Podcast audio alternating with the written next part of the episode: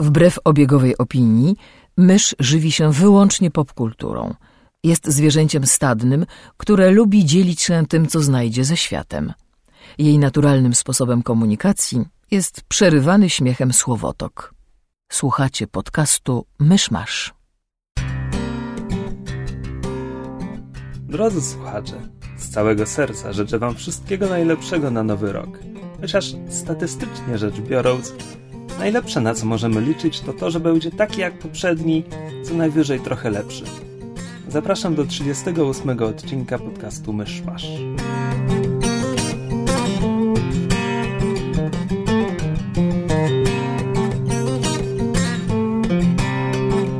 Gospodarzami podcastu Myszmasz są Krzysiek Seran, redaktor portalu Avalon. Kamil Borek ze studia Kobart. i Mysz, autorka bloga Mysza Mówi.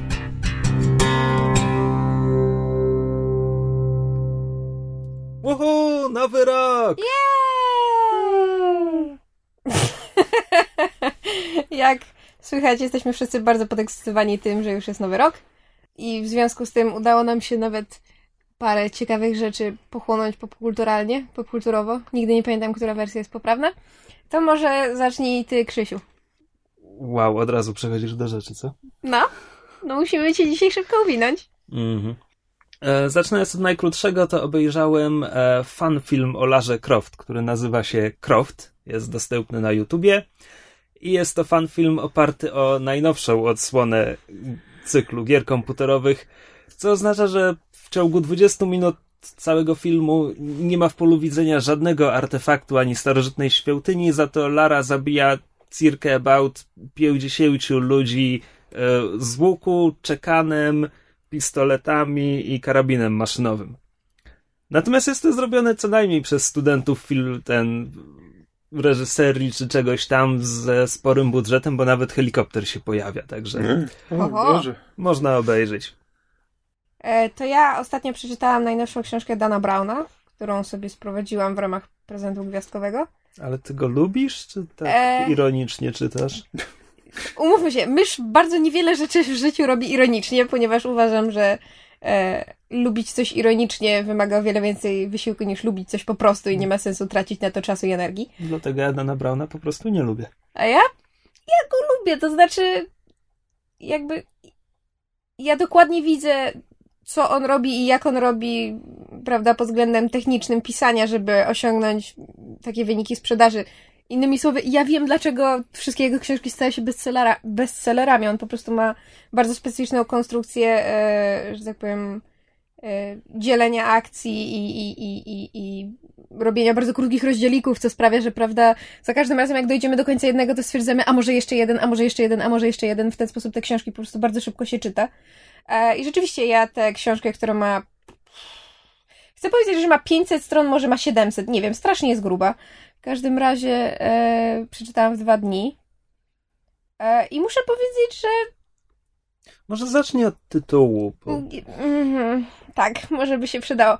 E, książka nazywa się Inferno e, i tak jak poprzednie książki Dana Browna zawsze się skupiały wokół jakiegoś konkretnego twórcy, prawda, czy tam Leonarda da Vinci, czy jakiejś konkretnej koncepcji, to tym razem skupia się wokół e, boskiej komedii Dante Alighieri, a konkretnie wokół jednej z części, czyli właśnie Piekła, e, jednego z takich bardzo słynnych utworów e, w, ogóle kultury światowej historii i tak dalej. po cichu liczę, że nie musimy naszym słuchaczom wyjaśniać, czym jest polska komedia Ja też na to liczę, ale różnie z tym bywało. E, I tak jak to u Dana Browna zwykle bywa, Więc teraz udało wam się wyjaśnić to osobom, które i tak wiedzą o co chodzi i obrazić te osoby, które nie wiedzą o co chodzi. Tak. Gratuluję. Nie ma tak jak dobrze wejść w nowy rok. dwa za jednym razem. Woohoo! Przepraszamy. E, co ja mówiłam? Aha, tak.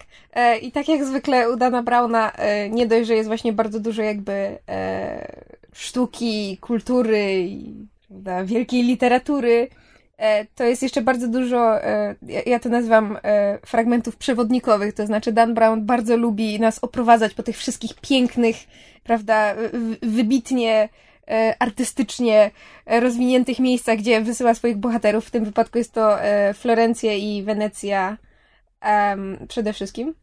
E, Coś o tyle dziwne, że mam bardzo, bardzo silne wrażenie, że, że jego bohaterowie jakoś bardzo dziwnie płynęli kanale Grande, dlatego że nie wiem czemu Plac Świętego Marka był u nich po prawej zamiast po lewej, więc mam wrażenie, że Dan Brown się kopnął, albo ja coś źle odczytałam. W każdym razie e, bardzo dużo jest właśnie takich typowo przewodnikowych opisów na zasadzie, a po lewej mamy kościół X, a po prawej mamy świątynię Y, a teraz idziemy na wprost na plac 700. No nieważne. Bo umówmy się, Indiana Jones zwiedzał katakumby weneckie, więc można się pomylić mniej i bardziej.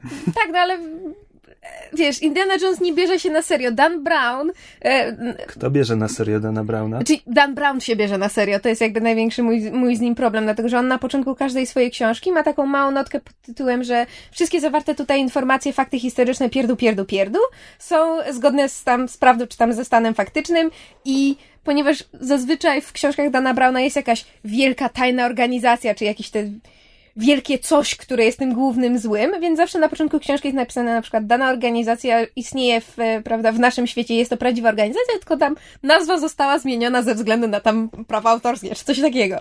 Więc on bardzo usilnie próbuje swoich czytelników Próbuje ich przekonać, że to, co on pisze, to to jest święta prawda, że to się wszystko wydarzyło, może nie naprawdę, ale że tego typu rzeczy się dzieją naprawdę. Which is bullshit! Come on!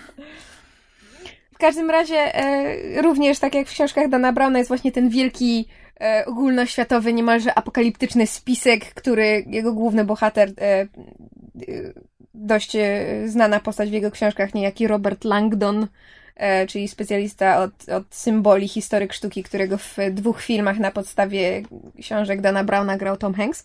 E, właśnie Robert Langdon musi powstrzymać ten tajny spisek, prawda, odczytując kolejne symbole, które prowadzą go tajną mapą do miejsca ukrycia jakiegoś, e, jakiegoś przedmiotu, który zniszczy cały świat. Tylko, że niestety jak to u Browna bywa, niestety przy tym jest strasznie dużo takiego pseudonaukowego science fiction dydaktyzmu na zasadzie o, dziura ozonowa, wszyscy zginiemy, jeżeli tego nie powstrzymamy, to wszyscy zginiemy, dziura ozonowa to nasza wina, człowiek sam się do tego doprowadził, och, jacy my jesteśmy straszni i grzeszni i tak dalej. Jak na kogoś, kto w większości swoich książek potępia Kościół, to koleś ma straszne, duże parcie na, na, na że tak powiem, prawie niekazań. E, ale mówię, czyta się to szybko, akcja jest y, bardzo, że tak powiem, fajna. E, muszę powiedzieć, że bardziej mi się ta książka podobała niż poprzednia, czyli to był Zaginiony Symbol. Jeżeli ktoś lubi Dana Browna, jeżeli ktoś czyta go po prostu dlatego, że to jest dobre czytadło, to jak najbardziej warto po to Inferno sięgnąć, bo dobrze się czyta, jest całkiem ciekawe. Jakby wykorzystanie tej e, boskiej komedii w tekście jest, jest całkiem sprawne. O, tak się podsumowałam. No dobra, ja skończyłem swoje boje z Żelazną Radą China i tak jak mówiłem poprzednim razem, e, że pięć razy zmieniam zdanie, jak czytam jego książki. Jaki jest wynik? Nie wiem. Oj. E, to jest tak, to jest czwarta jego książka, którą przeczytałem. Zaczynałem od Miasto i Miasto, bo to Miewli jest autorem, który jak dla mnie czasami udziwnia tylko po to, żeby udziwniać. Więc Miasto i Miasto to jest kryminał, który te tytułowe dwa miasta zajmują tę samą przestrzeń, się wzajemnie przenikają i mieszkańcy jednego i drugiego muszą udawać, że się wzajemnie nie zauważają, kiedy się mijają na ulicy. I to jest wszystko, jakby to jest, to jest cały koncept. I jeśli ja dobrze rozumiem metaforę, to cały ten kryminał równie dobrze mógłby się toczyć w mieście, które po prostu ma biedną i bogatą dzielnicę. Mhm. Albo imigrantów, dzielnicę imigrantów. Jakby to jest wszystko. I, I cała reszta tej dziwności nie ma tam wiele dla mnie sensu. Kraken to było. Kraken to w sumie była taka jego najbardziej prosta książka z tego, co czytałem, bo to jest takie po prostu przygodowe urban fantasy. Takie trochę nigdzie bołcz, tylko rozdmuchane do 400 czy 500 stron. E, Ambasadoria to jest jego pierwsza książka, która mi się podoba absolutnie bez zastrzeżeń. To jest lingwistyczne science fiction, gdzie motyw jak się porozumieć z obcą rasą, która jest naprawdę obca, a nie, że tylko, wiesz, kosmita z gumowym czołem, jak w Star Treku. Po prostu autentycznie stworzył obcych kosmitów. I motyw porozumiewania się z nimi jest istotny dla całej książki i jakby tam i koncept, i fabuła, i to jakby właśnie to udziwnienie, wszystko się składa w jedną całość. Żelazna Rada, jak mówiłem, to jest proletariacki steampunk. Tylko, że poza wątkiem buntu, rewolucji, Mamy też motyw e, podróżowania przez kontynent, przez fantastyczną Ukrainę i to jest po prostu taki fantastyczny zlew. Tam są ludzie kaktusy, tam są ludzie ze skarabu...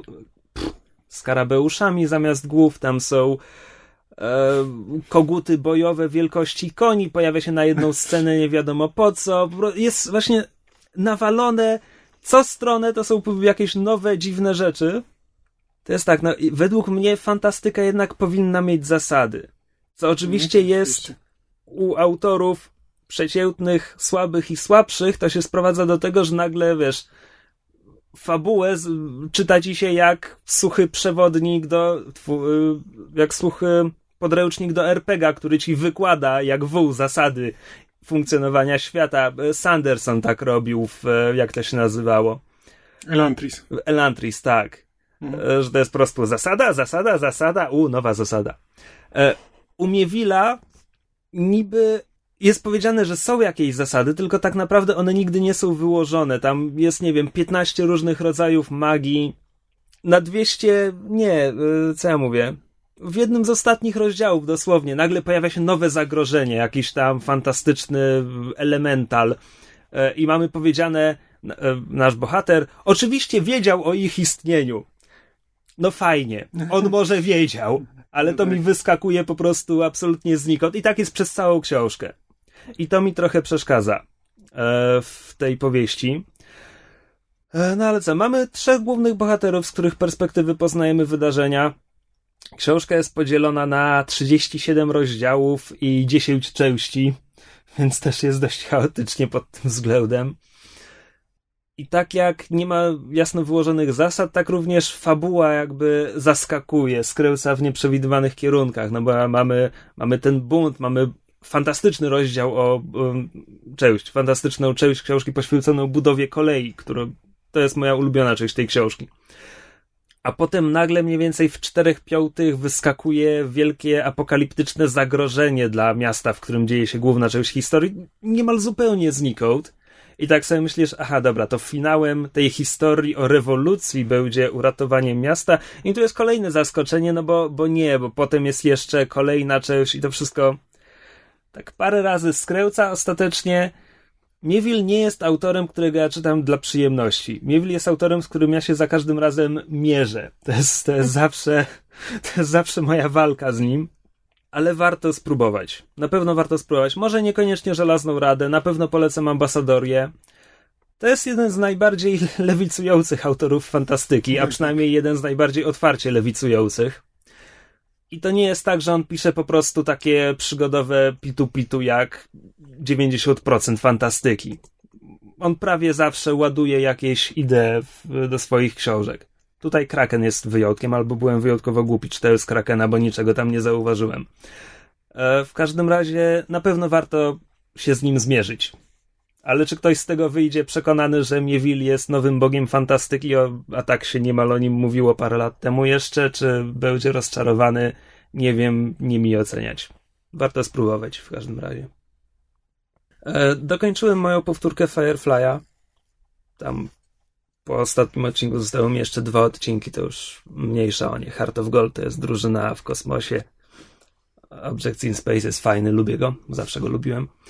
E, ale po raz pierwszy, zaraz po zakończeniu serialu, powtórzyłem sobie Serenity.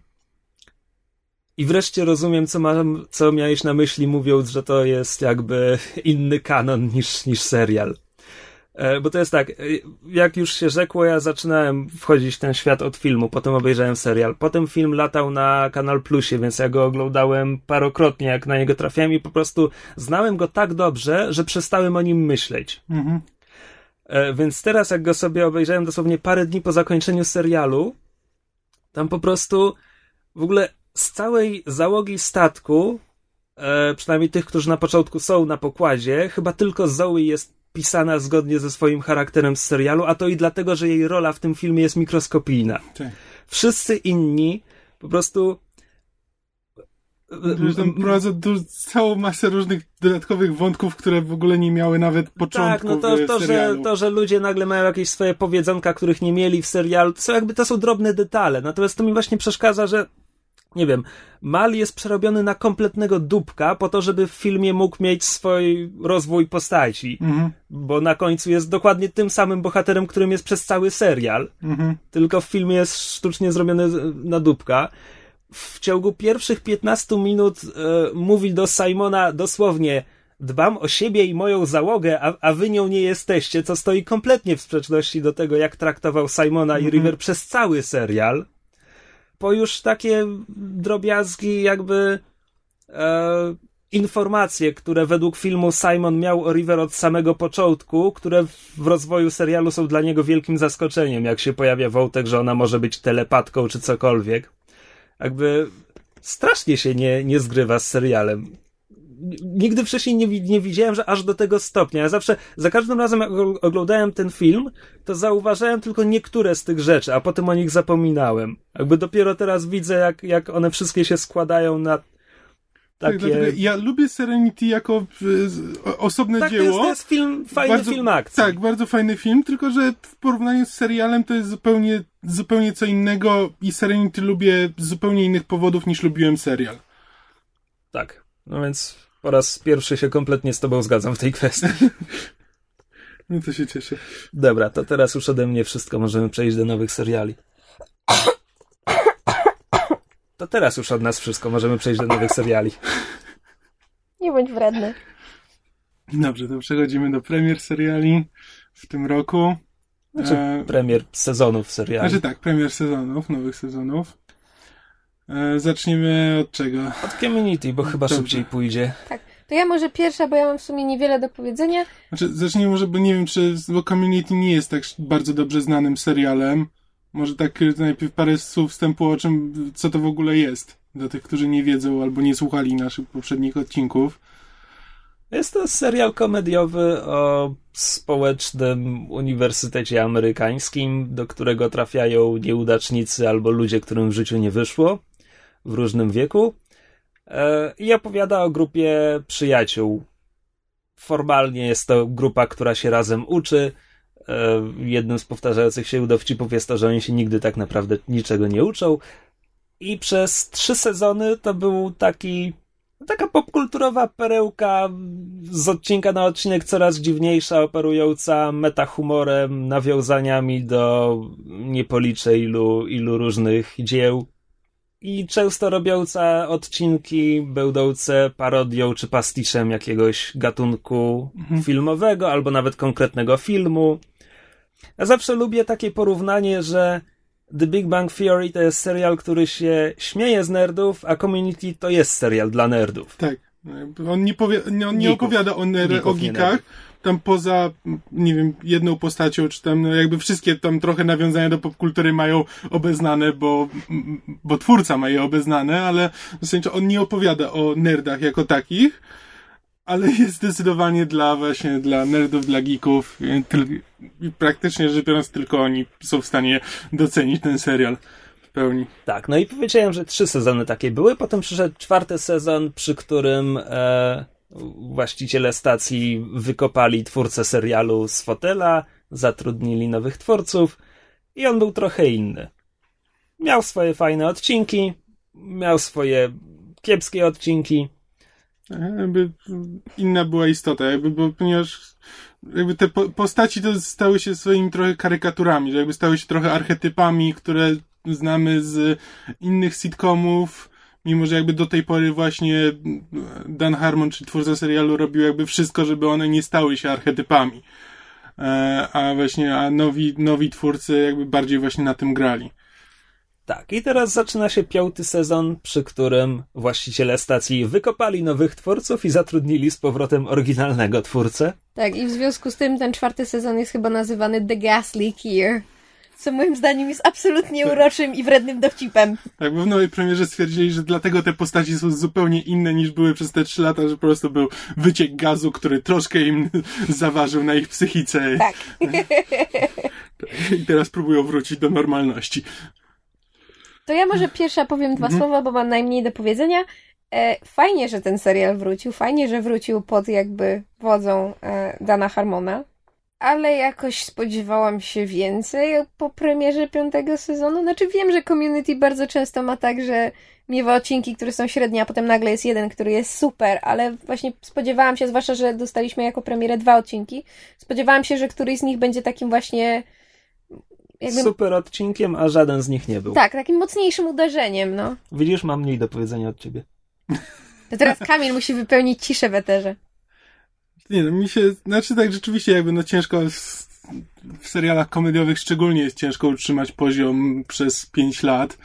Taki sam jakby ten poziom się troszkę zaniżał przez każdym... Pierwszy, pierwszy sezon moim zdaniem jest fenomenalny i jest jedną z najlepszych rzeczy, jakie widziałem w ogóle w, w gatunku komedii.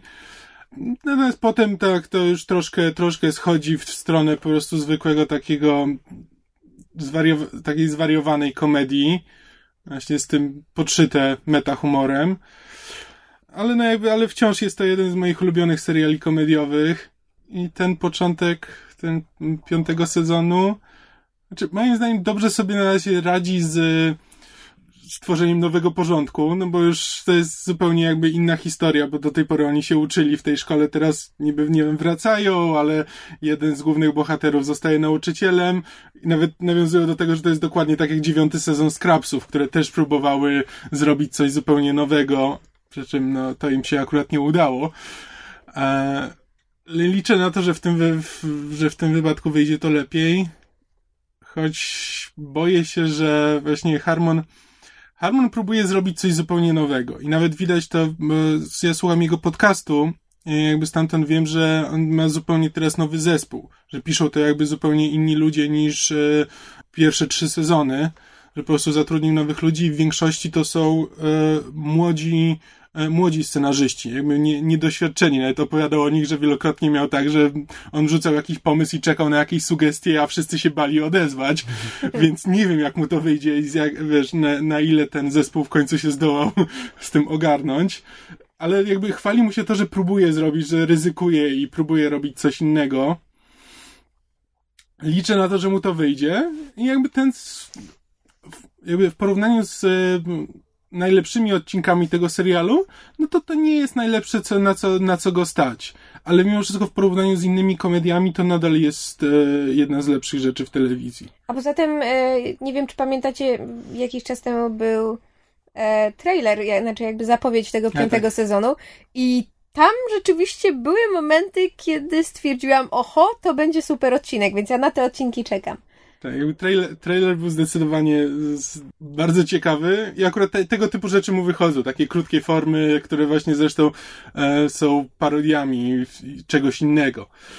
No i właśnie tutaj wiesz, pa, parodia właśnie trailera epickiego, epickiego filmu w, w odniesieniu do serialu komediowego wychodzi mu bardzo dobrze. Tylko zobaczymy, czy to się przełoży na rzeczywiście fajne, fajne historie przy rozciągnięciu ich na cały odcinek. Tak jest. Ale, ale potencjał jest i mam nadzieję, że uda się go wykorzystać. No tak, z community jest trochę tak jak z Futuramo. Jakby więcej community to zawsze jest dobra rzecz. Dokładnie. To teraz porozmawiajmy o czymś, o czym chyba jeszcze nigdy nie zdarzyło nam się dłużej mówić na antenie, bo seria miał dwuletnią przerwę. Tak. Czyli mowa o premierze trzeciego sezonu serialu BBC Sherlock. E, którego właśnie zagorzali fani, musieli przez dwa lata siedzieć i cierpieć i gdybać. E, nie pamiętam, czy, czy były już jakiś serial, który miałby tak długą przerwę, w sensie z takich aktualnie lecących. Oj, Doktor Who już od dłuższego czasu nie miał tak długiej przerwy, pomijam tę przerwę, którą miał. Poza tym on nigdy nie został e, nigdy nie został zdjęty z anteny, a czy ile... też nie. Też prawda. Ale chciałam powiedzieć? Mniejsza o to. E, ja mam z tym odcinkiem pewien problem, bo to jest kolejny odcinek serialu Sherlock, a ja nigdy Sherlocka nie traktowałem jako serialu, bo to trochę głupie w wypadku czegoś, co ma 6,5 godzinnych odcinków. To jest dla mnie ciąg telewizyjnych filmów, mhm. z których każdy jest odrębną całością. I ten odcinek jest właśnie pierwszym, który czymś takim nie jest. Mhm. Jakby. No e, tak naprawdę jakakolwiek zagadka pojawia się w połowie, w 46 minucie dopiero. Tak, I w dodatku nie ma żadnego satysfakcjonującego rozwiązania. No. Natomiast jakby jest wprowadzeniem w nowy sezon, powrotem do tych bohaterów, jakby jako odcinek serialu jest super. Natomiast tak jak ja to traktowałem, ten serial byłoby nie było, e, to się nie sprawdza i jeśli ktoś za rok będzie robił pierwsze podejście do Sherlocka i oglądał ciągiem, jeden po drugim, jeden po drugim, mam wrażenie, że ten odcinek nie będzie się bronił. Bo to jest odcinek dla ludzi, którzy właśnie czekali na niego dwa tak, lata. Tak, to jest odcinek Tak. dla fanów. Zdecydowanie, jakby osoba, osoba, która ogląda Sherlocka właśnie jako serial kryminalny, jako serial o detektywie, no to w tym serialu nie ma wiele dla siebie. Jakby to jest dla tych, którzy Znaczy właśnie w tym lubią... odcinku. E, w, tfu, w tym odcinku, tak, nie znajdzie wiele dla siebie. To jest serial dla tych. e, Jezus Maria, to jest odcinek dla tych osób, które e, lubią te postaci i relacje między nimi. I tęskniły E, po prostu, tak, no. to dla nich będzie, dla nich będzie interesujące, a dla tych, którzy po prostu oglądali, bo to Sherlock Holmes i są ciekawi, jaką zagadkę, jest, jakiej zagadce stawi teraz czoło i jak to się rozwiąże, no to nie ma nic dla siebie, bo zagadka jest e, banalna czy prosta, nie ma już praktycznie żadnego rozwiązania, w którym ktoś by się musiał wykazać wielką inteligencją. Tak, tak. Jako, jako odcinek serialu kryminalnego, tak sobie. Co nie zmienia faktu, że wciąż mi się ten serial podobał, bo jestem fanem i lubię te postaci Tak, i to no, mi się... co powiedziawszy, jako właśnie odcinek skupiający się na bohaterach i relacjach między nimi i radzący sobie z tą dwuletnią przerwą, e, zwłaszcza, że wracamy do tego, że John Watson jest przekonany, że Sherlock nie żyje i Mhm. mamy do czynienia z zmartwychwstaniem niejako, Tak jak... jest bardzo fajny. Mhm. To co, powiedzieliśmy już wszystko. Chyba tak, w sumie nie mamy nic więcej do powiedzenia. Tak, już... Znaczy, jeśli ktoś nie, ten, nie jest fanem Sherlocka, to niech zacznie od pierwszego odcinka. I tak, co... Nikt, nikogo ten, ten odcinek nikogo nie przekona do Sherlocka, na pewno. Jest To tylko prawda. Mm, To jest kazanie do nawróconych. fan pandering to jest. Śmieszy mnie, śmieszy mnie casting tutaj, że Mary Morstan jest grana przez autentyczną żonę, Partnerkę. Oni No, chyba nie są no małżeństwem. mniejsza z tym, autentyczną Tak. partnerkę Martina Freemana, Amanda Abington. a rodzice Sherlocka są grani przez, Przez rodziców, rodziców, Benedykta tak. Cumberbatcha. Interesujący Wszystko wybór. zostaje w rodzinie. W- Ten, w Wielkiej Brytanii jest tylko sześciu aktorów i wszyscy należą do BBC. się wymieniają w różnych serialach. No to jeszcze e, na koniec, zanim przejdziemy do podsumowania, to z Myszą byliśmy na filmie Kamerdyner. Tak, wczoraj żeśmy spontanicznie poszli do kina. No, film opowiada o kamerdynerze, który służył kilku kolejnym prezydentom. Jesteśmy w tym momencie w stanie ustalić, czy to było sześciu, siedmiu, czy ilu tam jeszcze. On się urodził jako robotnik na plantacji. Próbowaliśmy ustalić, czy to był niewolnik, ale to nie, już nie były po czasach, po czasach niewolnictwa, ale jakby w filmie było to przedstawione niemal dokładnie tak jak w 12 Years a Slave, gdzie oni, tak, gdzie jakby pan na plantacji decydował o życiu i śmierci No. e, swoich e, pracowników. Tak, ale jakby sam ten film pokazuje, jak wolno dochodziło do zmian w Stanach tak, ale- względem właśnie czarnoskórych Ale potem nawet kiedy już jest w mieście, to jakby mówi o tym, że biały mógł zabić czarnego i prawo by mu nic nie zrobiło. Kończy swoją służbę właśnie na plantacji, jedzie do miasta, tam zostaje, tam zostaje zatrudniony jako kamerdyner w hotelu i stamtąd, e, stamtąd ktoś go odnajduje i zatrudnia jako kamerdynera w Białym Domu. I od tego czasu służy, służy już e, kolejnym, kolejnym prezydentom. A jakby cały film opowiada właśnie o sytuacji czarnoskórych w, w Ameryce e, w XX wieku. Syn, syn głównego bohatera wyjeżdża na południe, żeby razem z Martinem Lutherem Kingiem e, brać udział w demonstracjach i z, e, walczyć, o, walczyć o prawa czarnoskórych. Tam potem jeszcze dołącza do Czarnych Panter i tak dalej. i Jakby Tak jakby film przez wszystkie te takie najbardziej znane historyczne wydarzenia i etapy film po swojemu przechodzi przy okazji kontrastując to właśnie z... Syn bohatera siedzi w autobusie koło Rozy Parks. No prawie, Nie. że, ale Freedom Riders się pojawili w, e, w filmie, więc... E, a chciałam powiedzieć, że właśnie jakby bierze te wszystkie wydarzenia i wstawia je w kontraście do właśnie jakby e, do tego, jak to wyglądało od drugiej strony jakby politycznej, to znaczy właśnie od strony Białego Domu i, i decyzji prezydentów, tego co właśnie ten tytułowy kamerdyner obserwuje pracując w Białym Domu. I, i właśnie jakby ideą filmu jest e, kontrast podejścia dwóch pokoleń do właśnie kwestii praw czarnych w, w, w, w Stanach Zjednoczonych. Znaczy tego podejścia pod tytułem e, nie podnośmy głowy i róbmy swoje, którego właśnie jakby wyznawcą jest ten, ten kamerdyner, a walczenia o, o, o prawa, którego jakby, e, prawda, tym głosem młodego pokolenia jest, jest ten jego syn. No i właściwie cały film się opiera na tym konflikcie. E, jakby jako film, ja się mi się on bardzo podobał, mi się go bardzo dobrze oglądało. Momentami on troszkę wchodzi w taką cukierkowość. Jakby jest trochę dydaktyczny tak, taki troszkę. Takie, no. tak, wybielanie. Końcówka jest już kompletnie przesłodzona, bo w momencie, kiedy czarny człowiek staje się prezydentem Stanów Zjednoczonych i e, właśnie bohaterowie... tęczy, jednorożce i Tak. co byś tylko jeszcze chciał. I bohaterowie oglądają to ze łzami w oczach, to rzeczywiście to... E, szczególnie dla kogoś, kto nie jest lewicowy w swoich poglądach, to będzie bardzo trudne do oglądania. E, ale moim zdaniem warto to obejrzeć. E, no, szczególnie, że dosłownie mm, niecałe parę tygodni temu obejrzeliśmy 12 Years a Slave, e, który jakby też opowiada o właśnie o sytuacji czarnych, tylko że no 100 lat wcześniej. I No i gdzie 12 Years a Slave jest tragedią, znaczy dramatem, tragedią, e, no to to jest taki film bardziej obyczajowy, e, jakby wiemy, że tam będzie trochę tragicznych wydarzeń, ale mimo wszystko na koniec będzie, z, e, koniec będzie raczej radosny i pozytywny. Tym kamerdynerze też są jakieś dziwne decyzje castingowe, bo jeśli O, ile? nie masz pojęcia! Robin Williams gra Eisenhowera, Tak, E, John Cusack gra Nixona. Sona. Alan Rickman Reagana. Tak, Tak. i cudownie go gra. E, Liv Schreiber gra tego Johnsona.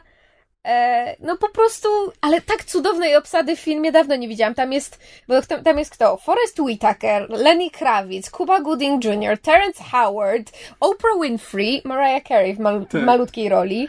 E, zapomniałam, kto grał panią Reagan.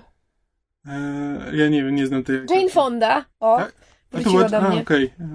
E, Nie wiem, jak Jane Fonda Więc wygląda. naprawdę i plus, plus y, spora też jakby młoda czarnoskóra obsada. Ja teraz nie pamiętam Tak. imion, ale wiem, E, że ich kojarzę. Mart- Martina Luthera Kinga gra Lafayette z Trublada. Tak. to był surrealistyczny moment. Więc e, naprawdę, znaczy film jest dobrze wyreżyserowany, dobrze zagrany, a właśnie e, historia bywa momentami cukierkowa, to jakby śmiem twierdzić, że to nie jest jakby film dla nas, w sensie dla białych. Ten film został nakręcony jednak moim zdaniem bardziej troszkę dla tej czarnoskórej widowni, dla której właśnie ten triumf Baracka Obamy i ta cała historia, jaką przeszedł ich, ja- jaką przeszli, przeszedł ich lud, nazwijmy to, jakby coś właśnie więcej znaczy niż, niż, prawda, powiedzmy dla nas w tym momencie siedzących w Polsce i oceniających to z punktu widzenia, czy film jest dobry. Ale dla mnie największą frajdą było właśnie obsada i obserwowanie świetnej gry aktorskiej i wypatrywanie właśnie aktorów w kolejnych rolach, bo po prostu, znaczy, może i Alan Rickman w roli Regana wydaje się dziwnym castingiem, ale go świetnie zagrał, tak samo jak John Cusack świetnie zagrał Nixona, to znaczy ja patrzyłam na ekranie i nie widziałam Cusacka, tylko widziałam i przede wszystkim słyszałam Nixona. Tak, to mu akurat wyszło bardzo dobrze, szczególnie, że w filmie to jest, e, w filmie to jest jedno z najbardziej pozytywnych ukazań Nixona, jakie znam w e, popkulturze, bo zazwyczaj mimo wszystko on jest pokazywany jako zdecydowanie czarny charakter e, w polityce. Tutaj, szczególnie jakby po raz pierwszy, kiedy on się pojawia jeszcze jako wiceprezydent Eisenhowera? Eisenhowera bodajże. Znaczy, wiemy, że startuje w wyborach przeciwko Kennedy'emu, bo tam Tak, rozdaje swoje Znaczy, no tak, tak, ale to wyborcze. jest, e, czy tak, to, tak, jako wiceprezydent Eisenhowera w takim razie, e, to jest rzeczywiście pokazane jako bardzo ten, że on przychodzi właśnie do służby, pyta i pyta ich, czego właściwie, czego oczekuje czarna społeczność i w jaki sposób on im może pomóc. E, I to jest właśnie Bardzo dziwna scena. tak, jest to właśnie najbardziej pozytywne ukazanie, jakie widziałem. Później tam się znowu pojawia już w momencie, kiedy ma swoje problemy, e, problemy polityczne i już jest troszkę wrakiem człowieka. Ale tak, ale nie ma tego, nie ma tego tradycyjnego dla popkultury ukazania Nixona jako po prostu kompletnie złego y, zimnego, kalkulującego człowieka.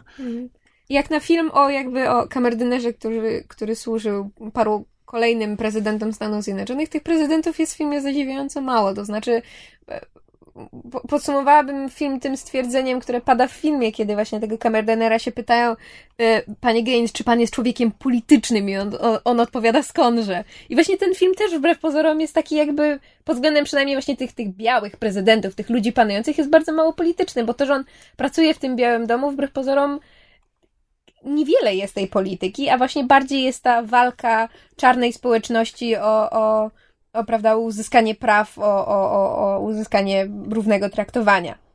Ale film moim zdaniem warto obejrzeć. Przynajmniej jeśli ktoś się interesuje jakby kulturą i historią Stanów Zjednoczonych, to na pewno. Ewentualnie Mm. dla obsady. Tak, a jeśli nie, to właśnie dla obsady zdecydowanie warto. Kreacje aktorskie są bardzo interesujące, co najmniej. Dobrze, no to przechodzimy do Bardzo krótkiego podsumowania mino- minionego roku. niekoniecznie bardzo krótkiego, mamy z pół godziny co najmniej. Czy, czy są jakieś e, takie filmy, które nam najbardziej z tego roku zapadły w pamięć, o których rzeczywiście chcielibyśmy wspomnieć?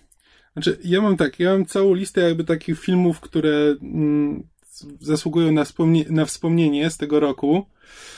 Możemy przejść przez twoją listę filmów, natomiast ja chciałbym na początku wspomnieć o filmie, który był dla mnie za pozytywnym zaskoczeniem roku. Pacific Rim. Pacific Rim. Tak, Tak. jest. Film, po którym nie spodziewałem się absolutnie Nic. niczego. Tak, ja też mam A właśnie- okazał się jednym z filmów roku. Był bardzo sympatyczną rozróbą. Właśnie Tak w ogóle jakby jak sobie przeszedłem, e, przeglądałem to, co w tym roku wyszło i co, zarówno w grach, jak i w filmach, to zaskakująco właśnie największe, w, w, najlepszy, na- wybrałem jako najlepsze filmy, które, po których się jakby nic nie spodziewałem, e, kiedy o nich słyszałem po raz pierwszy. No dobra, co tam masz na swoim komputerku? No dobrze, p- pierwsze co, e, filmy są bez żadnej konkretnej kolejności, Bo po co ułatwiać nam życie? Tak. E, Iron Man trzeci w tym roku, w tym roku wyszedł. Jakby jako, jako Iron Man odratował, odratował franczyzę po bardzo słabym drugim Iron Manie. Wiesz co, ja się właśnie tak zastanawiałem, że jak przyznajemy palmy pierwszeństwa za miniony rok i w ogóle to w, gruncie rzeczy filmy komiksowe zasługują już na odrębną kategorię, bo się ich tyle produkuje i pod tym względem mieliśmy w zeszłym roku Ironmana, Tora, Wolverina, Man of Steel i pewnie parę innych, o których nie pamiętam już, a te Mhm. mnie interesują, bo są na podstawie Marvela i DC.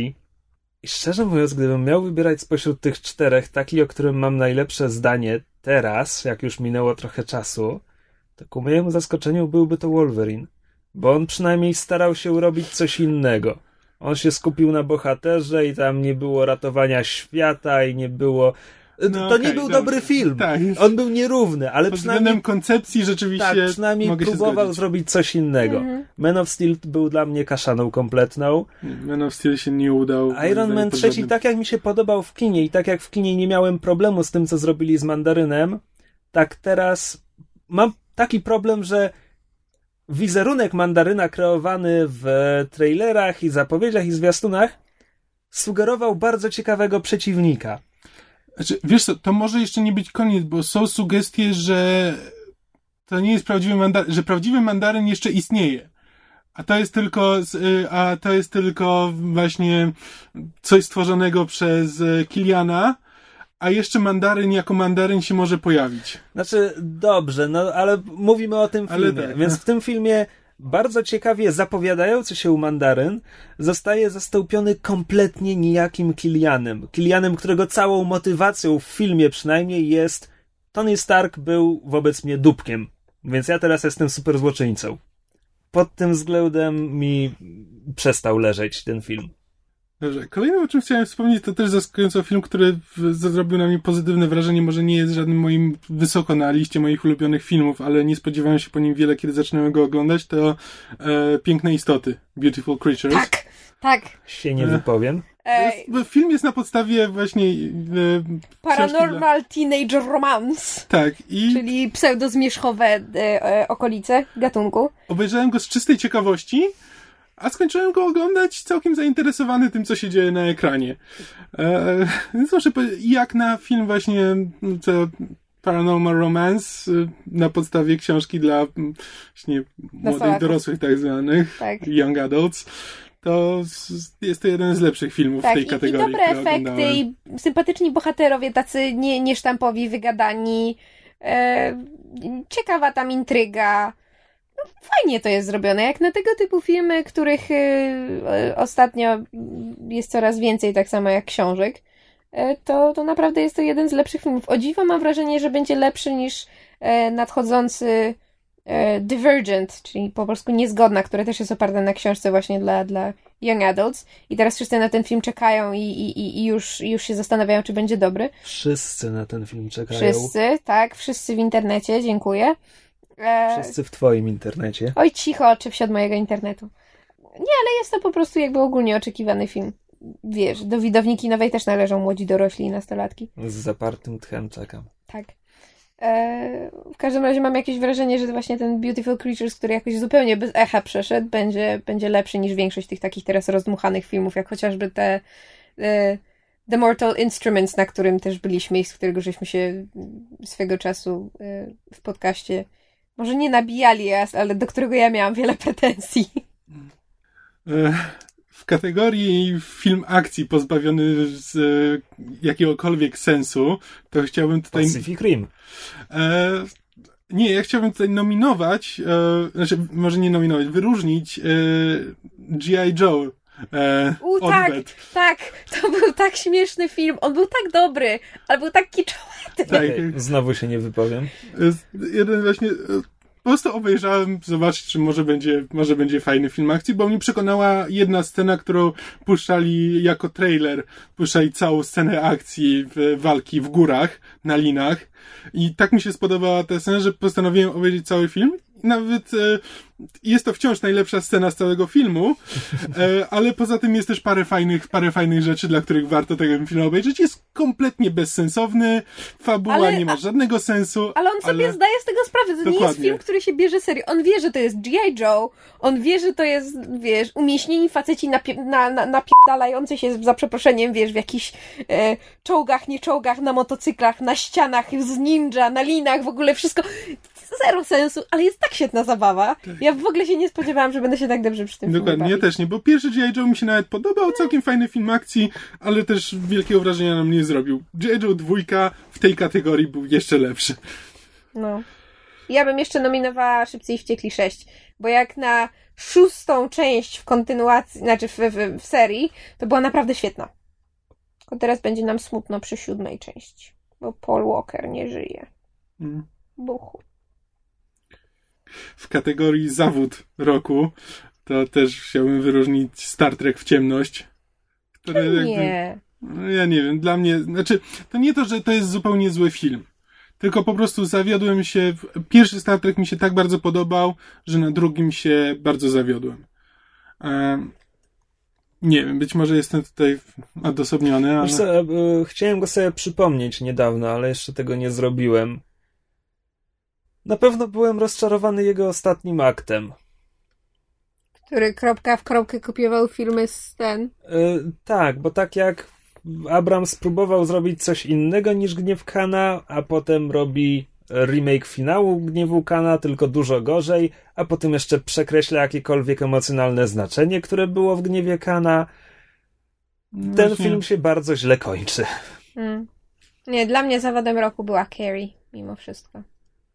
Bo po prostu to, ile ja mam z tym filmem problemów, to zresztą ci, którzy czytają myślego bloga, to wiedzą, bo rozwodziłam się nad tym przez 11 stron. Więc to jest definitywnie mój zawód roku. Tak, jeśli mówimy o zawodach, to jeszcze tak samo się zawiodłem na filmie Iluzja w sumie, który też nie był zły, ale liczyłem na coś dużo lepszego. Tak, zwłaszcza przy takich filmach jak chociażby Prestige albo Iluzjonista, do których poniekąd gatunkowo jakby nawiązuje. Co mi przypomina, że ja byłem mocno rozczarowany transem. A ja w sumie nie, mi się ten film podobał. Ja, ja się spodziewałem dobrze, dużo więcej. Dobrze wspominam. Ja też się ja spodziewałem, się spodziewałem dużo więcej, więcej ale... ale... Tak, ale... Mówimy o zawodach. Spodziewałem się więcej, byłem zawiedziony. A, no dobrze. No, tak, tak, ale jakby, ale zrobił coś trochę innego, co po fakcie zacząłem trochę doceniać, ale, ale tak, to też jakby nie był najlepszy możliwy film. Ja chciałem jeszcze wspomnieć o filmie The Way Way Back. Który po polsku się nazywał jakoś tam. Najdłuższe, najdłuższe najgorsze wakacje, czy jakoś takiego, tak? Najgorsze, najlepsze, najdłuższe, najlepsze, najgorsze, najlepsze wakacje. najgorsze wakacje. Właśnie, coś takiego. Cudowny E, tytuł. Mm. Tak, wspominałem już o tym, więc nie będę się, jakby co to, jeśli ktoś jest zainteresowany filmem, to mogę co najwyżej odnieść do e, poprzednich odcinków podcastu. Film jako taka mm, obyczajówka coming of age, bardzo, bardzo fajny, warty obejrzenia. Tak, o Pacific Rim już wspominaliśmy. E, I właściwie jedyne, co można dodać, to to, że jest zjebisty i trzeba go obejrzeć. Tak, e, jeszcze. Właśnie nie oglądałem od czasu seansów w kinie. Muszę sobie, muszę sobie nad, nadrobić. Tak, o Wolverine też wspominaliśmy. Trochę jak. Znaczy, liczyłem, że to jednak będzie dobry film. Nie jest najlepszy. Rzeczywiście, jakby doceniam, co próbował zrobić. Jest, Tylko, ko- że jest kompletnie nie wykorzystał nierówny, tego. Nie, jest kompletnie nierówny, maskopany finał, Mm. ale mimo to tak przynajmniej połowa mi się podobała. Właśnie też mm, przy okazji zawodów w sumie też mogłem wspomnieć o Kikasie dwójce. A to To- był zeszłoroczny film? Tak. Tak. Aha. No, szedł w te wakacje. Znaczy, w Polsce później trochę, ale. E, mm, ale tak, on zupełnie przyszedł bez echa. Że jakby pierwszy Kikas był I hitem, słusznie. a drugi praktycznie w ogóle niby był w kinach, praktycznie o nim nie słyszałem. E, i tak, no i słusznie jakby. Natomiast z bardziej pozytywnych to nowy Riddick. To też wyszedł w tym roku i jakby mnie usatysfakcjonował niemal kompletnie. Ma swoje wady ten film, ale z, zdecydowanie jest to wciąż, jeśli chodzi o postać Riddicka, to w większości, przez większość filmu jest to właśnie ten Riddick, którego lubię, którego szanuję i którego polubiłem w Pitch Blacku. Tak, film nie był tym, czego się spodziewałem, ale miał swoje momenty zdecydowanie. To jest dziwne, biorąc pod uwagę, jak bardzo lubię wina Diesla, że ja nigdy nie zmyłczyłem żadnych szybkich i wściekłych. No bardzo fajna seria. Ja naprawdę, naprawdę jestem fanką. Nawet próbowałem w samolocie i nie dałem rady.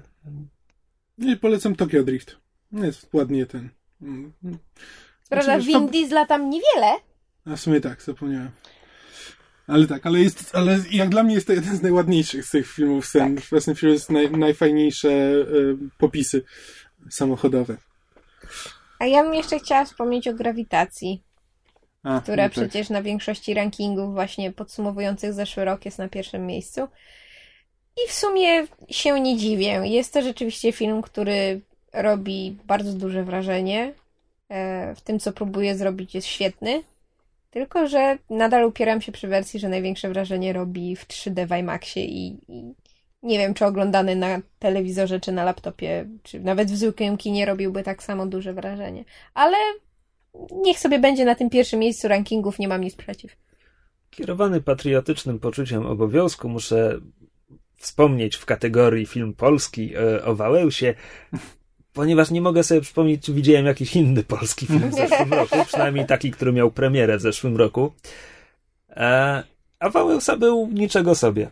Właśnie, e, chyba w tym roku miało premierę to Imagine, które ja chciałem obejrzeć i które z, Tak, Tak, na forum Avalonu też, też na, na E. tym nie byłem. na forum Avalonu użytkownik Podobno e, był super. Łukasz, Łukasz tak. E, Łukasz nam polecił ten film i chciał, żebyśmy o nim porozmawiali i zrobimy to na pewno, bo ja ten film bardzo chciałem obejrzeć, tylko że się za to nie zabrałem. więc obiecujemy, że się zabierzemy. Tak. E, Jakoś. dobrze, my jeszcze z Myszą prawdopodobnie chcielibyśmy wspomnieć o Donjonie, bo też jeden z ciekawszych filmów tego roku Tak, i to rzeczywiście- warto obejrzenia. Bardzo specyficzne, specyficzna wyprawa do kina, bardzo specyficzny film, e, ale warto go w tym jakby podsumowaniu e, wspomnieć, bo, bo właśnie jest nietypowy i, i nietypowo podchodzi do tematu właśnie jakby komedii romantycznych, miłości i, i jakby w ogóle tworzenia filmów, bo to dość taki niezależny film kinowy, co się w sumie rzadko spotyka. Tak. E, 12 Years a Slave wspominaliśmy już ten przy okazji. Trudny film, ale w sumie... Trzeba. Znaczy, Tak, moim warto zdaniem nawet nie tyle warto, ile powinno się go raz obejrzeć, bo to jednak Steve McQueen naprawdę świetne filmy kręci. E, Thor, Mroczny Świat, też już wspominaliśmy poniekąd przy okazji filmów komiksowych. Jakby w porównaniu... Tak, do obejrzenia taka z... Dużo, komiksowa. dużo ciekawsze od pierwszego Tora niewykorzystana szansa w finale. Jakby ten finał, y, ten film powinien mieć dużo bardziej rozdmuchany finał niż niemal kameralną potyczkę z garstką mrocznych elfów. Mhm. Tam zdecydowanie potrzeba było większego łomotnięcia. Tak. Y, I już końcówka roku, e, czyli ten Igrzyska Śmierci. No, Ja czekam na kolejny film. Jakoś ten był taki, był w porządku. do obejrzenia, ale, Ale- szczerze mówiąc nawet jedynka mi się trochę bardziej podobała. Tak, no właśnie nie wiem, czy, czy im na dobre wyszła ta zmiana reżysera. No przekonamy się przy, przy jak to ja nazywam, 3A, filmie 3A, bo jeszcze będzie 3B, bo trzeci został podzielony na dwa filmy. Bo z tego co wiem, właśnie przy filmie 3A będzie dokładnie ten sam reżyser, więc zobaczymy, czy to była po prostu kwestia tej drugiej części, czy może reżysera. Dobrze. I ostatnie, w... A jeszcze jeden, będę miał jeden film, o którym będę chciał wspomnieć, ale zostawiłem go sobie na koniec. Ale to przedostatni by Hobbit. I to podsyłamy do poprzedniego odcinka, bo Już nie możemy więcej Tak. powiedzieć, fizycznie nie jesteśmy w stanie. Hob- Hobbit film kontrowersyjny, jeden z najbardziej... Hobbit jako gumowa kaczuszka. Tak. E, A ja chciałem jeszcze wspomnieć, jako właśnie, bo sobie podzieliłem jako swoje ulubione filmy, podzieliłem sobie na dwie kategorie takie filmowe, czyli właśnie filmy te wysokobudżetowe i te bardziej niszowe. I właśnie w tych wysokobudżetowych to Pacific Rim e, wygrał dla mnie ten rok, mimo wszystko. E, natomiast tych niskobudżetowych, niszowych to wygrało dla mnie Warm Bodies. Tak. E, Chociaż to też nie jest film niszowy, jakby się uprzeć. Też się nie wypowiem. No ale nie, no to nie jest, to nie jest wielka Ale hollywoodzka. właśnie po, Warm po, Bodies- polsku, po polsku nazywa się Wiecznie Żywy, żeby dla tych, którzy Tak, nie wiedzą, bynajmniej o czym nie ciepłe ciała, a szkoda, bo by było śmieszniej. E, Warm Bodies i Beautiful Creatures to są właśnie dwa filmy z zeszłego roku, których targetem teoretycznie jest niby takie właśnie young adults, czy tam młodzież, nastolatki, nieważne. E, i, i, I jakby z założenia w takim razie powinny wyjść kiepskie filmy, takie jak powiedzmy Zmierzch, czy właśnie te Miasto Kości, a wyszły naprawdę fajnie, fajnie zrobione, nie traktujące się kompletnie serio filmy, właściwie dla, dla każdego. I Warm Bodies ma jeszcze świetną ścieżkę dźwiękową. Tak jakby zupełnie poza tematem. No dobrze, a w takim razie to ja już powiedziałem dwa filmy, które dla mnie wygrały ten rok. Wy macie coś coś do powiedzenia w tej kwestii? Tak, ja, jeśli chodzi o filmy kinowe, to ja się zgadzam, że Pacific Rim wygrało właśnie przede wszystkim z tego względu, że nie miałam żadnych jakby ym, przewidywań, niczego się nie spodziewałam, wręcz nie chciałam na ten film iść, bo stwierdziłam, że ogromne roboty, ogromne potwory to jest kompletnie nie moja bajka, bo ja akurat tego typu e, motywów ani w kinie, ani powiedzmy w anim nie lubię, a dawno się tak świetnie na filmie nie bawiłam, wszystkie elementy po prostu mi grały. A jeśli chodzi o filmy niszowe, i tutaj to już naprawdę są niszowe, a nie tak jak Warm Bodies, które wymienił Kamil, e, to jest e, na równi dwa filmy, które widziałam w zeszłym roku. To jest jedno, to jest The Brass Teapot, które opowiada o dwójce młodych ludzi, którzy nie mają pieniędzy, po czym e, kradną imbryczek z brązu, który jeżeli jest w pobliżu, a zrobisz sobie krzywdę, to wypłacać pieniądze. Najbardziej dziwna fabuła, jaką można sobie wymyślić, ale film jest tak absolutnie cudowny, że, że naprawdę go szczerze polecam. A drugi to jest film, który obejrzałam dosłownie parę dni przed końcem roku, e, bo wcześniej nie było do niego dostępu. Nazywa się Violet and Daisy i opowiada o dwóch e, młodych e, zabójczyniach na zlecenie. Jest to jeden z ostatnich filmów Jamesa Gandolfini, więc jeżeli ktoś, e, ktoś chciałby zobaczyć, to bardzo polecam. Gdzieś w internecie przeczytałam, że to jest Grindhouse Fairy Tale. Że to jest tak jakby, e, prawda, e, na przykład właśnie filmy te, te e, Grindhouse e, Tarantino i Rodrigueza, gdyby zrobić w takiej właśnie bajkowej, trochę słodkiej, kolorowej e, otoczce. I właśnie dokładnie tak to wygląda. Tam jest bardzo dużo brutalności, ale ma to sens, ma to ręce i nogi. Jest to bardzo, bardzo ładny, bardzo fajny film. Więc to są te, które dla mnie wygrały. Dla mnie filmem z zeszłego roku był Django, który co prawda miał premierę w grudniu 2012, Ja ale go obejrzałem liczę. go dopiero w Ja go nie liczę. Liczy się data wyjścia, a nie data obejrzenia. Skoro tak mówisz. Dobrze. To koniec, jeśli chodzi o filmy. Znaczy, ja bym wspomniał szybko o grach y, i potem przeszedł do seriali. Tak, to w tym roku, w, e, w tym roku tak, był Dead Space 3, którego ja grałem, nigdy nie skończyłem. No to na pewno zasługuje na wzmiankę. Znaczy, nie, fajna, fajna gra, tylko że Dead Space, e, Dead Space skończył się po pierwszym. E, Pierwszy Dead Space był rzeczywiście horrorem, potem zaczęli robić z tego horror akcji i to już trochę, e, trochę nie działało. Ale tak, ale warto, Znaczy warto zagrać, to nie jest zła gra, ale jeśli ktoś lubi, to proszę bardzo. Tomb Raider, reboot Larry Croft. W tym momencie mogę o nim powiedzieć tyle, że był. Tak. Był całkiem przyjemny, powinien był się skończyć w połowie. Oj tak, zdecydowanie. E, Bioshock Infinite. Nie e, grałem. Znaczy, szczerze mówiąc, grając w niego miałem o nim zdecydowanie lepsze zdanie niż kiedy go już skończyłem i zacząłem o tym myśleć, bo jednak e, rzeczywiście ma ciekawe pomysły, tylko że e, fabuła gry zupełnie nie współgra z mechaniką e, i to jest jego naj, najgorsza wada. I szczerze mówiąc, właśnie w grach to jest e, to jest grzech śmiertelny. Jednak jeśli się opowiada jakąś historię, to mechanika gry powinna współgrać z, z opowiadaną historią, bo inaczej to po prostu nie ma sensu. Inaczej to po prostu to robimy jakiś interaktywny film z, a gra jest sobie obok. To jest bez sensu. E, gra, która dla mnie ten, z, której, z która mnie najbardziej zaskoczyła, e, gra indie, to jest Don't Starve. I to jest taki survivalowa gra, w której e, w 2D zrobiona trochę takim pseudo-życie izometrycznym, który wygląda trochę jak e, tak zwany pop-up book. Mhm. E, takie wycinanki, e, wycinanki papierowe i które polega po prostu na tym, że masz bohatera, masz świat, możesz zbierać, e, zbierać tam gałęzie, owoce, różne, różne rzeczy, z których potem możesz budować różne narzędzia. I trzeba tam przetrwać. Tylko, że gra zaskakuje jakby w tej warstwie, że momentami zapędzasz się gdzieś, no bo w którymś momencie zaczynasz na jednej takiej wyspie, powiedzmy. No i tam masz, masz drzewo do zebrania, tylko że w którymś momencie już ci brakuje, już zbudowałeś to, co możesz i zaczynasz iść dalej. I ruszasz na jakąś inną wyspę, gdzie na przykład spotykasz jakichś świnioludzi, którzy mieszkają tam w chatkach. E, I nagle musisz wymyślić, co z, ni- co z nimi zrobić. Na przykład reagują inaczej, możesz im tam coś zaoferować, albo możesz ich, możesz z nimi próbować walczyć. Albo możesz e, zrobić z nich bekon. Tak, chyba nawet można. E, Razie, Jakoś mnie to nie dziwi. Tak, i, w, i właśnie siła gry polega na takich tego typu rzeczach, że po prostu chodzisz po świecie i ten świat cię zaskakuje. I tam nie ma żadnej fabuły, po prostu jesteś rzucony, e, rzucony i sobie chodzisz. I jest to, e, jest to fascynujące.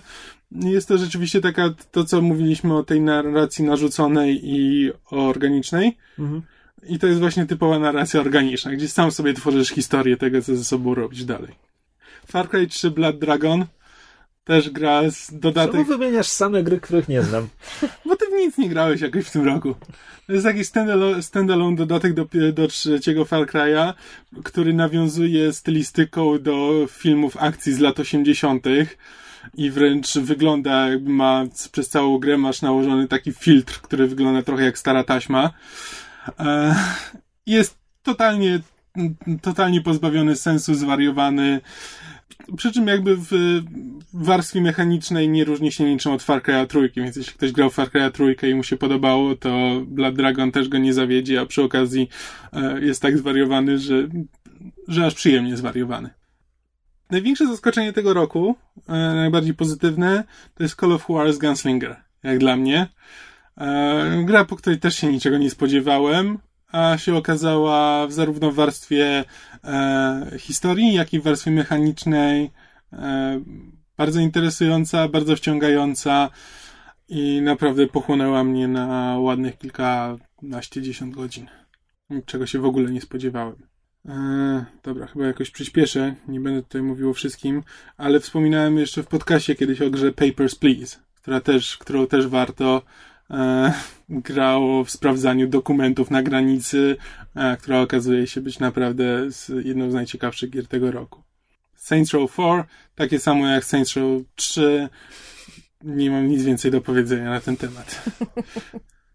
That's all I have to say about that. The Bureau XCOM Declassified. Też gra, która mnie w sumie zaskoczyła, bo powstawała w bólach i wszystko wskazywało na to, że będzie beznadziejna. E, natomiast wciągnęła mnie na też dosyć mocno i jest interesująca, przynajmniej ma parę pomysłów, których, e, może nie tyle wcześniej nie widziałem, ale już dawno nie widziałem, więc przynajmniej miło mi się, miło mi się w to grało. E, The Wolf Among Us, gra Telltale, o której wspominaliśmy w podcaście. Czuję się niezręcznie wciągając ją, wiesz, na roczne zestawienie w momencie, gdy mamy do, do dyspozycji jedną piątą gry. No tak, to, to też prawda. Ale to jest mój wieczny problem z grami epizodycznymi. Tak, jakby zapowiada się interesująco, zobaczymy co z tego wyjdzie dalej. Batman Arkham Oranges, tudzież Origins. Ja dopiero zacząłem, więc się nie wypowiem. Mogę tylko wspomnieć, że granie na myszce i klawiaturze jest mordełgą. Tak. Arkham Origins jest zżynką z e, Arkham City i to w dodatku nie zrobioną tak samo dobrze, więc w sumie eh, nic wielkiego. E, Assassin's Creed 4 pierwszy Assassin e, od czasów dwójki, który, którego skończyłem, który mnie wciągnął na tyle, że byłem w stanie go skończyć. W większych szczegółach pewnie opowiem w przyszłym tygodniu, bo już w tym momencie nie mamy czasu, że miałem o nim opowiedzieć w zeszłym tygodniu, ale znowu trudno, zostanie na inny czas. XCOM Enemy Within, to o tym, co Krzysiek, Krzysiek się o nim dużo rozpisuje teraz na blogu. To jest moja gra roku. Tak. To jest zdecydowanie moja gra roku. To jest XCOM Enemy Unknown, tylko więcej, więcej możliwości, więcej przeciwników. Przestał być grą o inwazji kosmitów, takiej typowej, gdzie biedni ludzie muszą sobie radzić. Stał się grą o tym, jak biedni ludzie szybko stają się nad ludźmi. Jest jedną z najlepszych gier komiksowych. E, a teraz y, ostatnia gra, o której chciałem wspomnieć, i z wysokobudżetowych to jest mój tytuł roku. Z takich naprawdę z ten e, produkcji AAA. E, to jest Devil May Cry. E, reboot e, serii Devil May Cry, który też jakby po, se, w serii grałem, tam od trójki chyba grałem w, w każdą część. E, ale po prostu grałem na zasadzie, że a, fajnie się pobić, ale większego wrażenia nam nie robiło. Ten nowy Devil May Cry rzeczywiście e, zarówno światem, który wykreował, jak i mechaniką rozgrywki e, zrobił na mnie duże wrażenie i bardzo, bardzo przyjemnie mi się w niego grało. I tak naprawdę nie to, że to jest tak dobra gra, ale po prostu jakoś w tym roku te wysokobudżetowe gry przynajmniej w ogóle na mnie nie zrobiły żadnego wrażenia, te, które, te z którymi mieliśmy do czynienia w tym roku. E, dlatego, dlatego wyznaczyłem tego Devil May Cry, bo jakby z, w tej kategorii jest najlepszy i przynajmniej też coś, przynajmniej światem przedstawionym robi coś interesującego. A reszta gier wysokobudżetowych zupełnie nie wciągnęła. A jakby drugą pozycją z takich mniej, nie, nie jest koniecznie niskobudżetowa, ale to jest właśnie Gunslinger, o którym wspominałem też. E... Co? No, Kamil... Ona nie jest niskobudżetowa. Kamil ma dziwne pojęcie niszy. No, jest, ona pojawiła się, ona kosztowała 60 zł od premiery. E, to nie jest jakby ten... E, mm, nie, dobra, okej, okay, okej. Okay. Spodziewałem znaczy, się, że będziesz gra, mówił nie jest, o... To nie jest gra indie, Właśnie, ale też nie tak. jest, ale to nie jest tytuł AAA. Z gier indie to na równi właśnie Don't Starve i Papers, Please, jak dla mnie. Aha. No moją grą roku jest ten Enemy Within. E, na moją percepcję może wpływać fakt, że gram w niego teraz, mi się strasznie podoba i piszę ten dziennik z kampanii i w ogóle. E, nie mam wątpliwości co do rozczarowania roku. Rozczarowaniem roku był Rzym 2. To nie jest tak, że to jest zła gra. Ona mi się w sumie podoba. Tylko, że to jest takie, takie letnie letnie emocje. Ona mi się w sumie podoba, kiedy w nią gram, kiedy w nią nie gram, nie ciągnie mnie, żeby do niej wrócić, a po prostu po pierwszym Rzymie byłem, byłem gotowy ją pokochać. Nie wyszło. Coś, coś Creative Assembly nie, nie wyszło tym razem. To gra roku, rozczarowanie roku, zaskoczenie roku.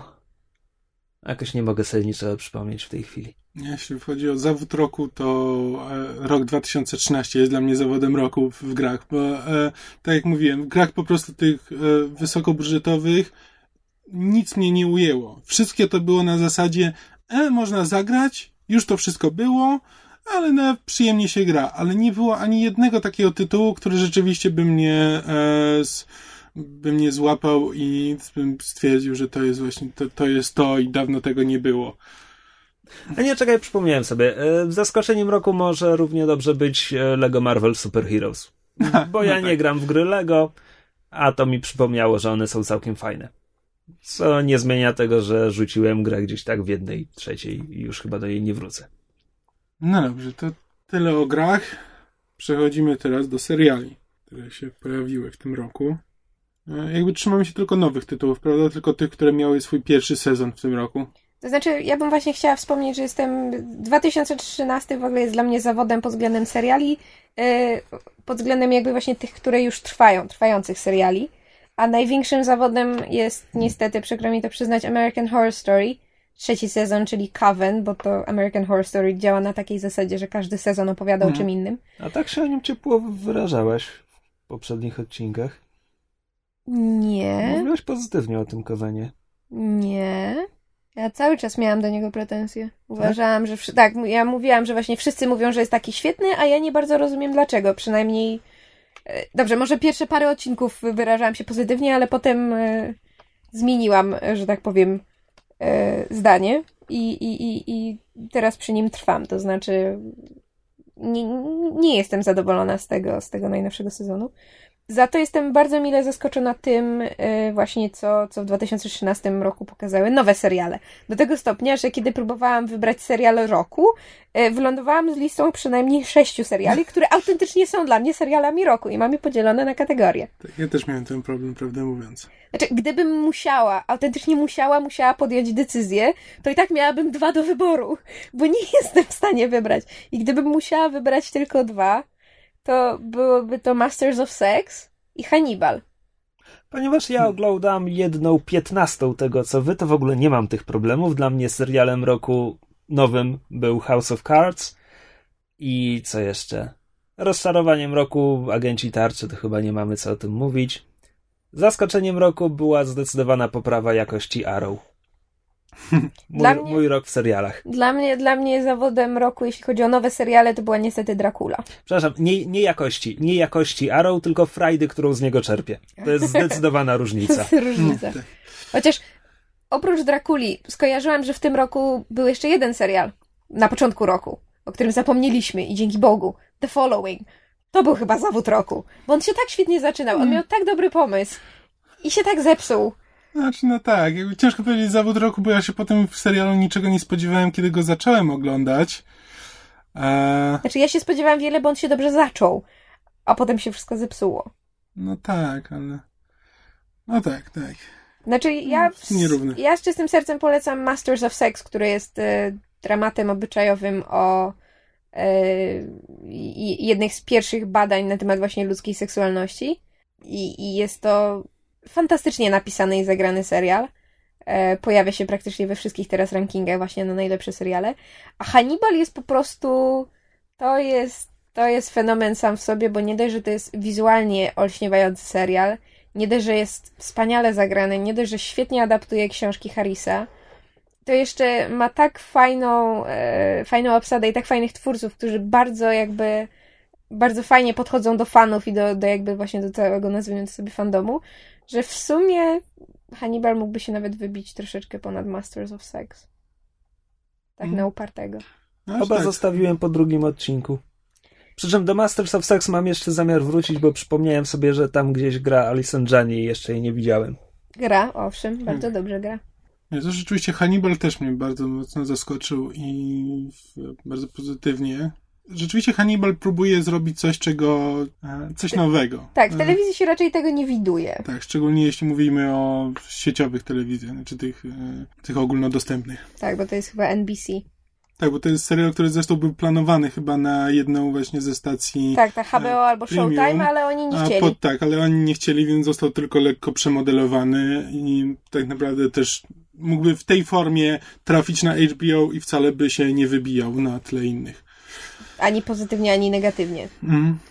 E, Z takich jeszcze ogólnodostępnych seriali dla mnie chyba największym zaskoczeniem roku wbrew pozorom, bo jakby Hanni- Hannibal wiedziałam, że będzie dobry, Masters of Se- of Sex wiedziałam, że będzie dobry już w momencie, kiedy powstał pomysł na serial. Ja po prostu ja wiedziałam, że będę oglądać, wiedziałam, że to będzie super, już nawet bez obsady wiedziałam, że to będzie super, ale ten serial, który mnie najbardziej zaskoczył to jest The Blacklist, Głównie Tak. dlatego, że ja nie zamierzałam tego serialu oglądać, bo tam gra James Spader, na którego ja reaguję agresją i histerią y, w różnej kolejności i w różnych ilościach tych emocji, ale jestem tak mile, tak mile zaskoczona i, i jakby konstrukcją postaci, i fabuły, i case'ami z, z, z, odcinka na odcinek i, i, w sumie jest to serial, na, który na którego powrót teraz chyba najbardziej czekam, bo, bo zostawili nas z ładnym takim ni to cliffhangerem e, i poza tym autentycznie bardzo się przywiązałam do postaci w serialu. Tak, to jest jedno z największych zaskoczeń. Czy Sleepy Hollow jakby... e, Troszkę obniżyło poziom niestety już pod koniec roku. Znaczy, Sleepy nie, mi się Hollow... wciąż tak samo przyjemnie oglądało. pod koniec. Sleepy Hollow i Almost Human to są też seriale, które są u mnie na liście tych jakby pozytywnych zaskoczeń 2013, ale to są jednak y, te, te, takiego seriale bardziej średniego poziomu, mówmy się. Sleepy Hollow mogłoby być dla mnie zaskoczeniem roku na równi z tym polepszeniem się Arrowa, bo spodziewałem się szmiry kompletnej, Mm. a oglądam z przyjemnością. Mhm. E, to jeszcze z- dwa seriale komediowe, które jakby liczyłem na to, że będą dobre, choć to Ze nie, względu na obsadę. to nie było tak, nie było mm, przesądzone. E, to jest The Michael J. Fox Show. Z Michaelem J. Z Foxem, o Michaelem. J. Foxem, tak, popatrzcie. Jak się, jak się, jaki zbieg okoliczności.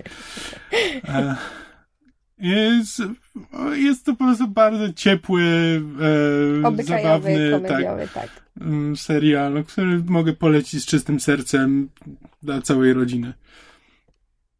Jeśli ktoś ma rodzinę. Wait, what? Brawo. tak, nie wiem, co chciałem powiedzieć. A drugi serial to jest pewnie The Crazy Ones. Tak, dokładnie. The Crazy One z Robinem Williamsem i z... Sarah Michelle Gellar. Tak, Jeżeli ktoś lubi Robina Williamsa, to jest to serial dla niego. Jeżeli ktoś go nie lubi, to niech się trzyma z daleka, bo nie trafi.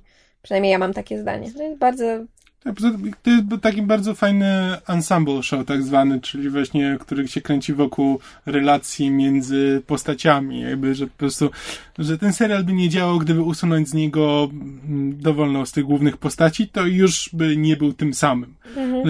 W- że te relacje między nimi to jest to, co czyni ten, e, ten serial naprawdę zabawnym. I, i takim właśnie też, też dosyć ciepłym i e, przyjemnym. I Oba zresztą... rzuciłem po pierwszym odcinku. No to ty w ogóle nie oglądasz seriali, ja cicho. się- no. Mało seriali do mnie trafia, przemawia. Ciekawe dlaczego. Tak, i zresztą bardzo się ucieszyłem, że jest tutaj ten, jak on się nazywa, Josh Walk? Czy, On e, jest... c- Coś Volk. tak, na pewno ma Walk na nazwisko.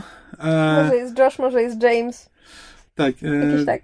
Który właśnie, z, on grał w pilocie serialu e, The Lone Star. Właśnie, który był bardzo chwalony, e, pilot był bardzo chwalony, po czym drugi odcinek totalnie wszystko zepsuł i po dwóch odcinkach serial został skasowany Znaczy, jakieś tam parę lat temu. Jeden z niewielu wypadków w historii telewizji, kiedy pilot serialu był tak powszechnie chwalony i serial został tak szybko skasowany. Tak.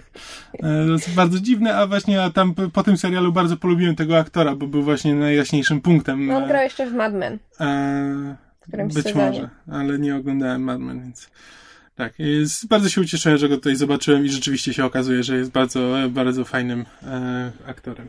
To ja jeszcze ze swojej listy mam tylko trzy do wspomnienia. E, jeden to jest serial, który chyba tylko ja lubiłam i nikt więcej. To jest Da Vinci's Demons. Ale ja po prostu mam słabość do... Jak się okazuje, mam słabość do tego aktora, który go, gra główną postać i jakby... Rzuciłem go chyba po trzecim odcinku. No ja obejrzałam do końca. E, jakby podoba mi się, że ten serial jest taki niepoważny i taki bardzo ala Hudson Hawk i... A on dostał drugi sezon? Z tego co wiem, tak. Mhm. Tak, jak najbardziej.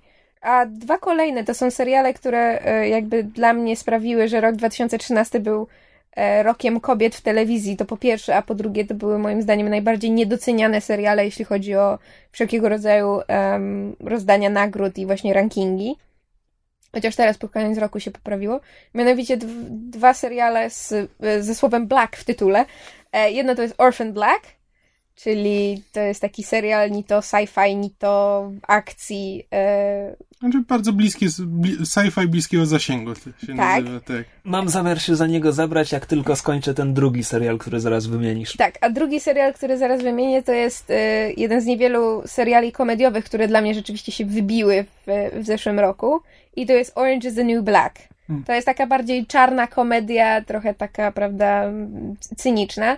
Ale jest to serial rzeczywiście wart, y, wart obejrzenia, bo jest to serial opowiadający o żeńskim więzieniu, więc mamy tam y, dosłownie napęczki świetnie skonstruowanych i świetnie zagranych postaci kobiecych, co ostatnimi czasy w telewizji y, w sumie rzadko się widuje.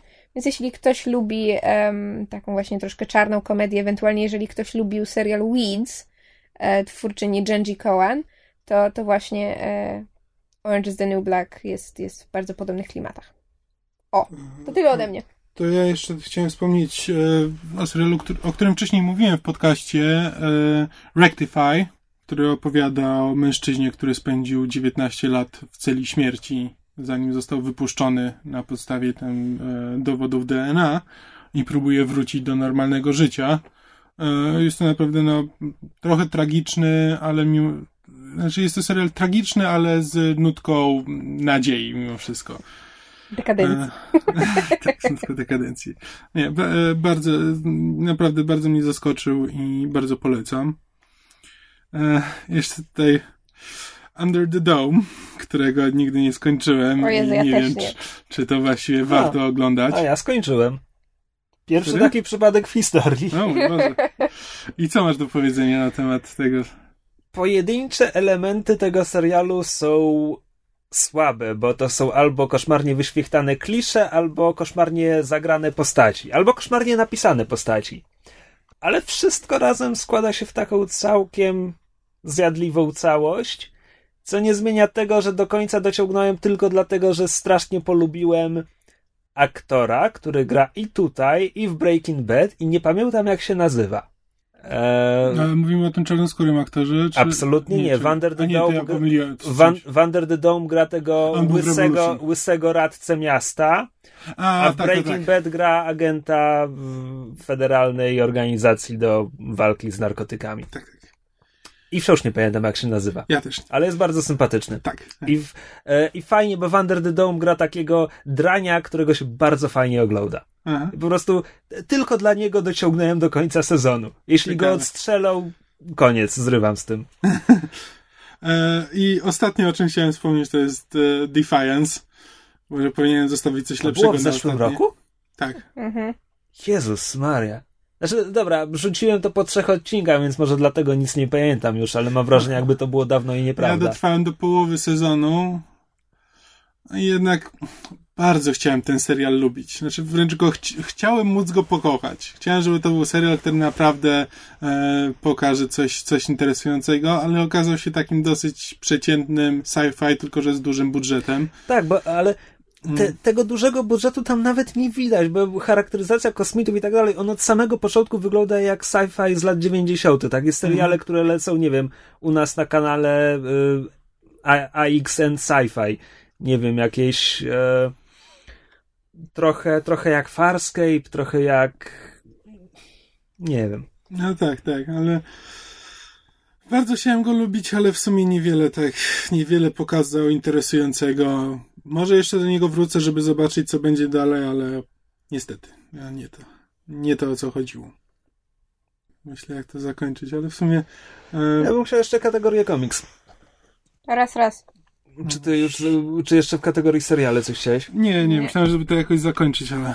No to nie. pomyśl, a ja, po, a ja poopowiadam. Znaczy, to, tylko, to, tylko powiem, że z, jakby z moich rzeczywiście, z, e, naj, jeśli miałbym wybrać najlepszy w tym roku, no to mm, zgadzam się z myszą.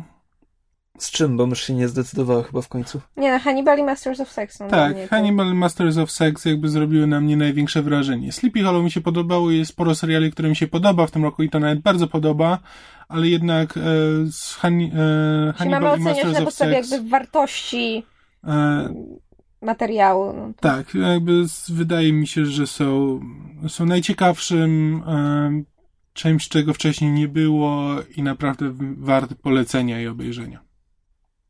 O. House of Cards. Zdecydowanie. Proste. House of Cards obejrzałem. Te wasze dwa nie. Jasne. E, o komiksach nie będę długo mówił. Nawet nie bardzo mi się chce wskazywać komiks roku, bo znowu ja nie jestem aż tak na bieżąco z naszym rynkiem komiksowym. E, ale zdecydowanie jako największy pozytyw roku dla mnie e, to było rozpoczęcie wydawania wielkiej kolekcji komiksów Marvela. Bo tak jak Marvela w Polsce na rynku prawie nie było. Tam Egg... Nie, Egmont to od lat niczego nie wydawał z Marvela. Mucha wydawała trochę, ale w koszmarnych cenach. Koszmarnych. A tak co dwa tygodnie jest jakiś, no, umówmy się, mocno losowy album za 40 zł. Jeszcze nawet czasami w kioskach, chociaż podobno coraz z tym gorzej. E, z, z dystrybucją, że coraz trudniej to dostawać. E, no i to po prostu było miłe. A Mhm. gdybym miał wskazywać jakiś album z tego komiksu, no to pewnie znawcy Marvela będą mówić o Daredevilu Franka Millera, który nie zrobił na mnie aż takiego wrażenia, więc ja wskażę Marvels, które strasznie lubię. Mhm. O, I tyle. Już o nich mówiłem. 30 odcinków temu, czy kiedy to było. to tyle od nas. E, Jeśli słuchacze mają jakieś swoje typy na najlepsze albo najgorsze filmy, seriale, książki, gry czy komiksy Albo chcieli, minionego roku. albo chcieli nam wytknąć rzeczy, o których w sposób oczywisty zapomnieliśmy, bo na przykład mówiliśmy o nim w podcaście. Tak, To co się prosimy niestety bardzo. zdarza, to, Albo to by chcieli polemizować z naszymi wyborami. tak, to bardzo chętnie od was usłyszymy. Parę słów, a może nawet paręnaście. E, powiedziałam usłyszymy, prawda? Bo ja mam na myśli przeczytamy. No chyba, że ktoś zadzwoni, zadzwoni na naszą zapomnianą linię skype'ową. na nasz, nasz podcast. Ale wygląda na to, że to jednak Słuchaj. może nie ściętej głowy. W tym momencie nasza skrzynka pocztowa myszmaszpodcast małpa gmail.com e, już porasta kurzem, więc nie wiem na co liczysz. No tak. No ale tak, ale na Facebooku i na blogu przynajmniej coś się dzieje, więc tam też chętnie, chętnie czytamy wasze opinie. No, więc mamy nadzieję, że niedługo od was usłyszymy i do usłyszenia w przyszłym tygodniu. Tak jest. Koniec. Słuchaliście podcastu Myszmasz. Możecie nas znaleźć na myszmasz.pl lub polubić nasz fanpage na Facebooku. Możecie nam także wysłać maila na myszmaszpodcast.gmail.com Jeśli do nas napiszecie, będziemy szczęśliwi jak złota rybka w cylindrze.